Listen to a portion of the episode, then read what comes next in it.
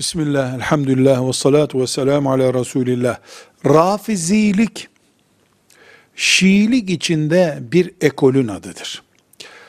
Rafizi reddeden demektir. Bu reddeden kelimesi Ebu Bekir ve Ömer radıyallahu anhumanın ashabın büyükleri olmasını reddetmelerinden dolayı onlara söylenmekti. Yani rafizi demek Ebu Bekir ve Ömer'i kabul etmeyen demektir. Bir rafizinin inancında Ebu Bekir ve Ömer'in değil sahabiliği maazallah bunu söylemek bile zor. Müslümanlığı bile güya tartışılır bir konu imiş diye düşünüyorlar. Bu sebeple rafizi ekolüne mensup olanların ciddi sorunları var. Bir kere ashab-ı kiramın büyüklerini itham altında tutuyorlar. Kur'an-ı Kerim'de eksiklik olduğuna dair iddiaları var. Takiye yapıyorlar, Müslümanlara iki yüzlü görünüyorlar.